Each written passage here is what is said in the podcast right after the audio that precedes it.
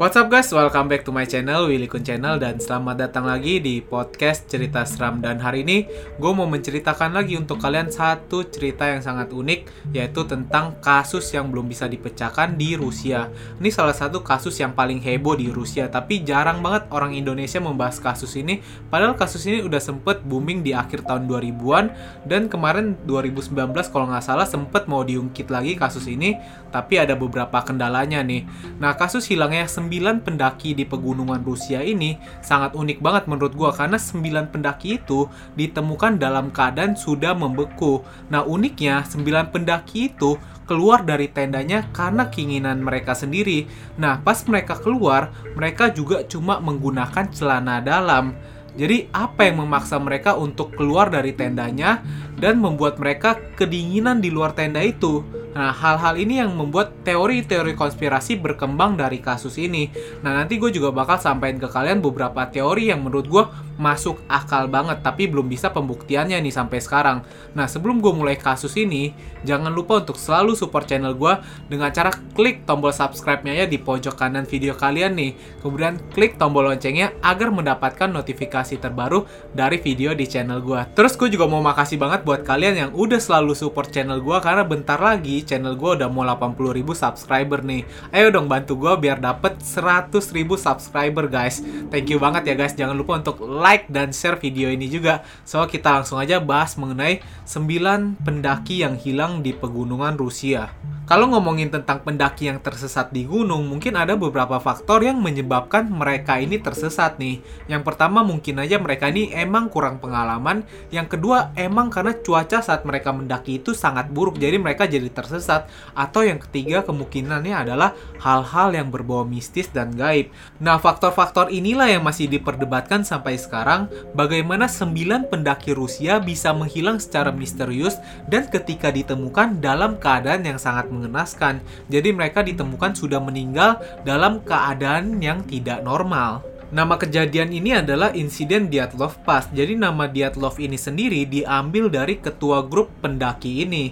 Jadi pada tahun 1959 ada 10 orang pendaki yang mau mendaki Gunung Ural Utara, tepatnya di Rusia. Nah, pendakian ini dipimpin oleh seorang yang bernama Igor Dyatlov. Pegunungan Ural di Rusia adalah salah satu pegunungan paling tua di Rusia. Nah, luas dari pegunungan ini sendiri sebesar 2500 km. Nah, saking luasnya pegunungan ini sampai harus dibagi menjadi lima bagian.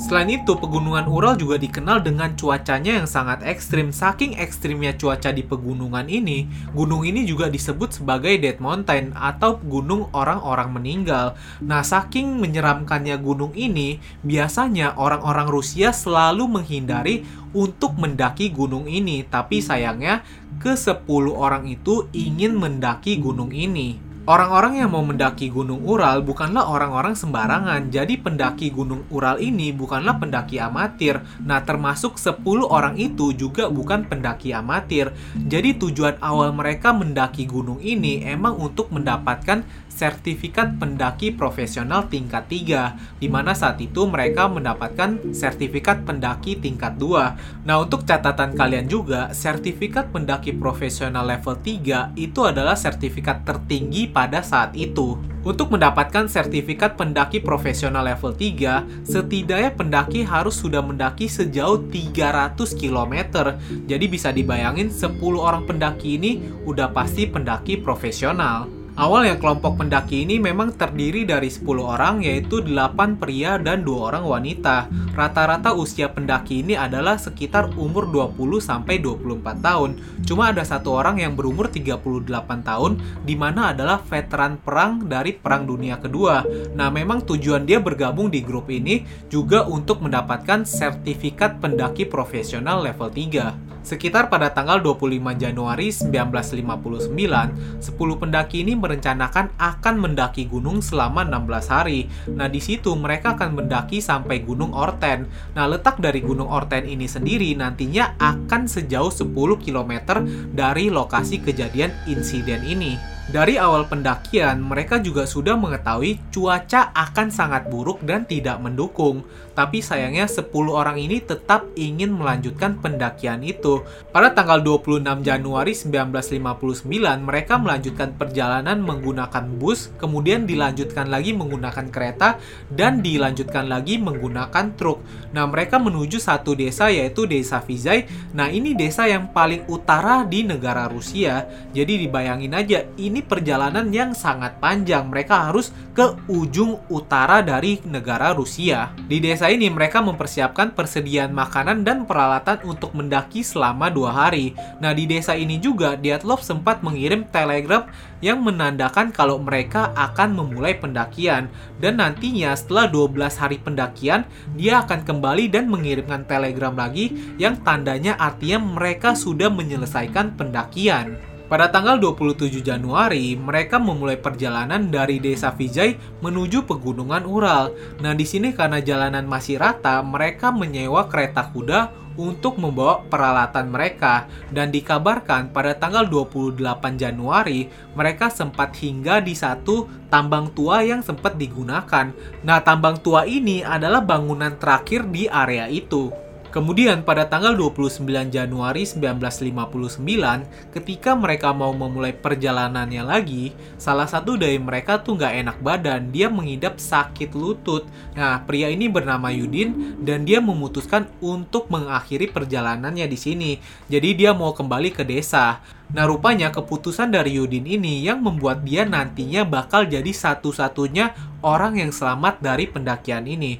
Nah, di situ juga menjadi momen-momen terakhir Yudin bertemu dengan sembilan orang temannya. Setelah itu, sembilan pendaki lainnya melanjutkan perjalanan dengan menyusuri sungai hingga tanggal 31. Jadi dari tanggal 27 hingga tanggal 31, mereka masih bisa menggunakan kereta kuda dan ski untuk menyusuri sungai. Tapi setelah tanggal 31, mereka harus mulai mendaki karena jalur pendakian sudah mulai menanjak. Untuk meringankan barang bawaan mereka, mereka memutuskan untuk meninggalkan beberapa suplai makanan dan beberapa alat untuk mendaki di hutan dekat sungai itu. Nah, hal ini memang sudah biasa dalam pendakian. Jadi barang-barang yang ditinggal itu nantinya memang akan diambil kembali ketika mereka berjalan kembali ke desa. Setelah itu, tanggal 1 Februari mereka melanjutkan perjalanan melewati celah lembah.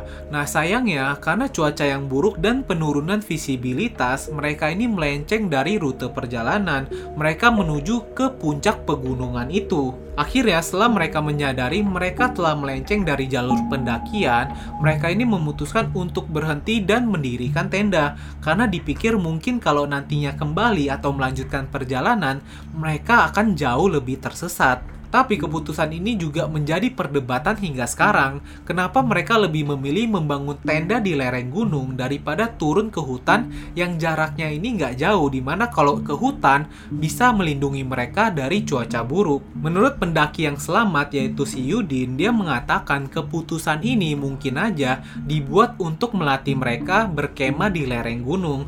Tapi coba pikirin, kenapa keputusan ini diambil ketika ada cuaca buruk dan ketika mereka mereka tersesat.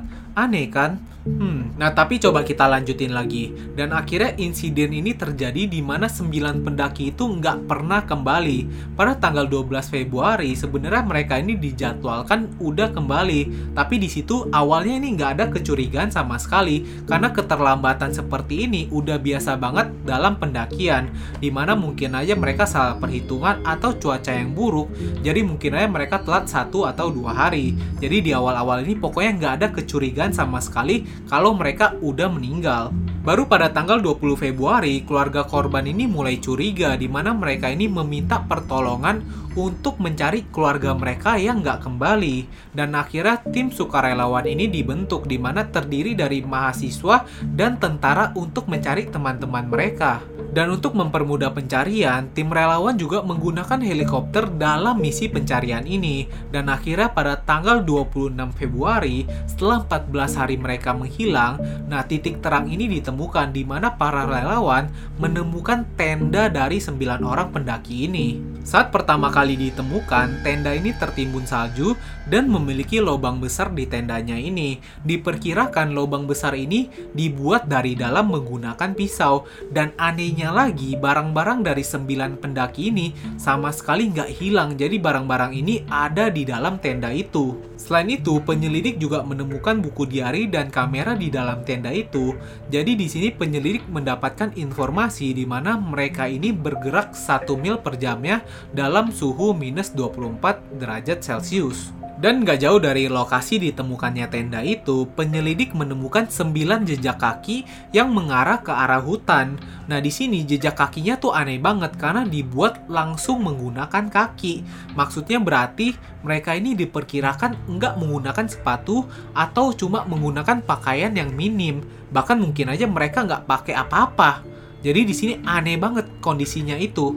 Jejak kaki ini menuju hutan di lereng gunung sejauh satu setengah kilometer dan di situ para relawan terkejut karena menemukan sisa api unggun dan dua orang pendaki dan keadaan dua orang pendaki ini sudah meninggal dan yang anehnya lagi seperti dugaan mereka para pendaki ini cuma menggunakan celana dalam. Dari penemuan ini, para penyelidik juga mengetahui para pendaki ini sempat memanjat pohon pinus di mana mereka ini kayak diperkirakan melihat keadaan sekitar atau mencari keberadaan tenda mereka atau yang paling buruknya adalah mereka lagi kabur dari seseorang atau sesuatu jadi mereka terpaksa memanjat pohon pinus ini. Setelah beberapa jam, para relawan juga akhirnya menemukan tiga pendaki lagi yang lokasinya ini berada di antara tenda dan hutan. Jadi di tengah-tengah ini mereka ditemukan dengan kondisi yang sudah meninggal juga. Tapi yang anehnya dari tiga pendaki yang baru ditemukan ini, posisi mereka ditemukan ini aneh banget. Jadi kayak berjejer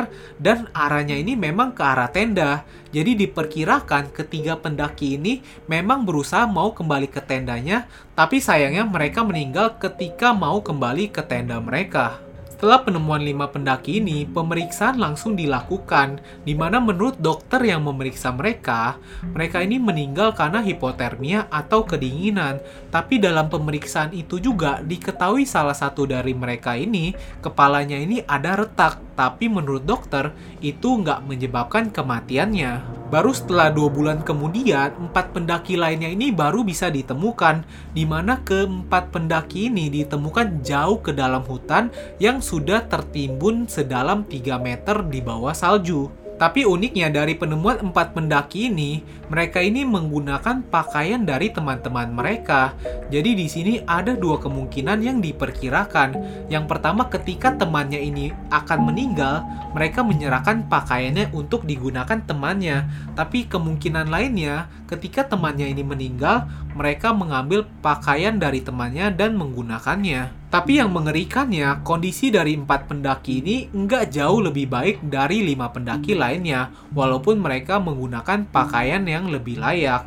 Nah, di sini kondisi dari empat pendaki itu benar-benar udah gimana ya jelasinnya sangat mengerikan di mana beberapa bagian tubuh mereka ini sudah hilang yaitu mata, hidung, bibir dan lidah. Dan yang paling parahnya lagi, kondisi dari kepalanya ini rusak parah dan dari tulang dadanya ini juga rusak parah. Diperkirakan dari dokter yang memeriksa mereka, kondisi seperti ini biasanya dialami orang yang kecelakaan mobil.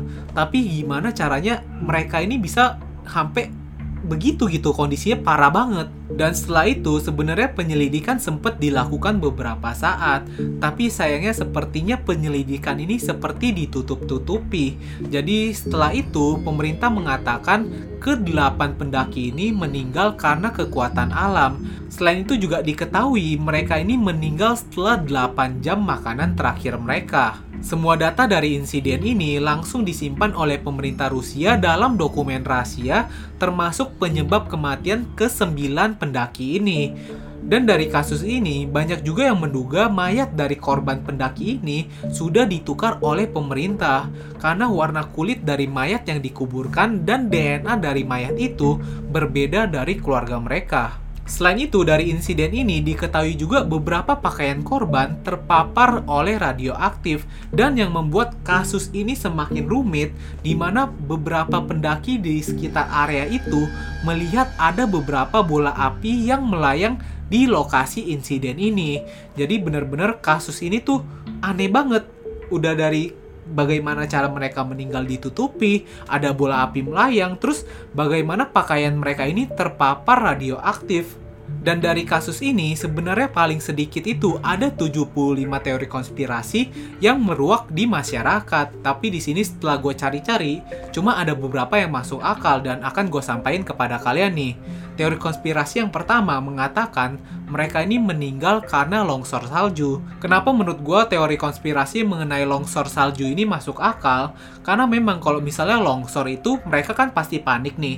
Kalau misalnya mereka dari tidur terus ngedenger bunyi kayak gitu, mereka pasti langsung pengen ngerobek tendanya dari dalam dan nggak sempet pakai apa-apa dong dan akhirnya mereka itu harus lari ke hutan karena kalau di hutan itu mereka kan bisa manjat pohon untuk menghindari longsor kan jadi teori konspirasi ini masuk akal tapi sayangnya setelah gue selidiki penyelidikan juga menemukan nggak ada bukti sama sekali terjadi longsor di dekat kejadian itu jadi teori konspirasi mengenai longsor salju mungkin bisa dicoret. Kemudian ada juga teori konspirasi yang paling terkenal karena ditulis dalam satu buku mengatakan adanya gelombang infrasonik di gunung tersebut. Jadi ya kalau kita mendengar gelombang ini, kita akan merasakan panik seperti dihantui dan ini mengganggu mental kita. Jadi mungkin aja kejadiannya itu karena mereka mendengar gelombang ini, mereka panik, mereka lari ke hutan, dan di hutan itu mereka itu nggak sadar mereka dalam keadaan telanjang. Jadi setelah mereka mau coba kembali ke dalam tenda, sayangnya tendanya itu rusak dan mereka nggak ada arah sama sekali. Tapi teori konspirasi ini kelemahannya memang nggak ada bukti sama sekali. Oh iya, kalau ngejelasin tentang bagaimana mereka ini bisa ditemukan cuma menggunakan celana dalam, mungkin ada satu teori yang bisa menjelaskannya nih, yaitu tentang paradoxical undressing, di mana kalau orang mengidap hipotermia, dia bisa terkena penyakit ini nih, di mana dia merasakan seperti sensasi terbakar di dalam tubuhnya ini, jadi dia ngerasa kepanasan, tapi sebenarnya mereka ini kedinginan. Jadi karena dia merasakan itu, mereka melepaskan pakaiannya ini.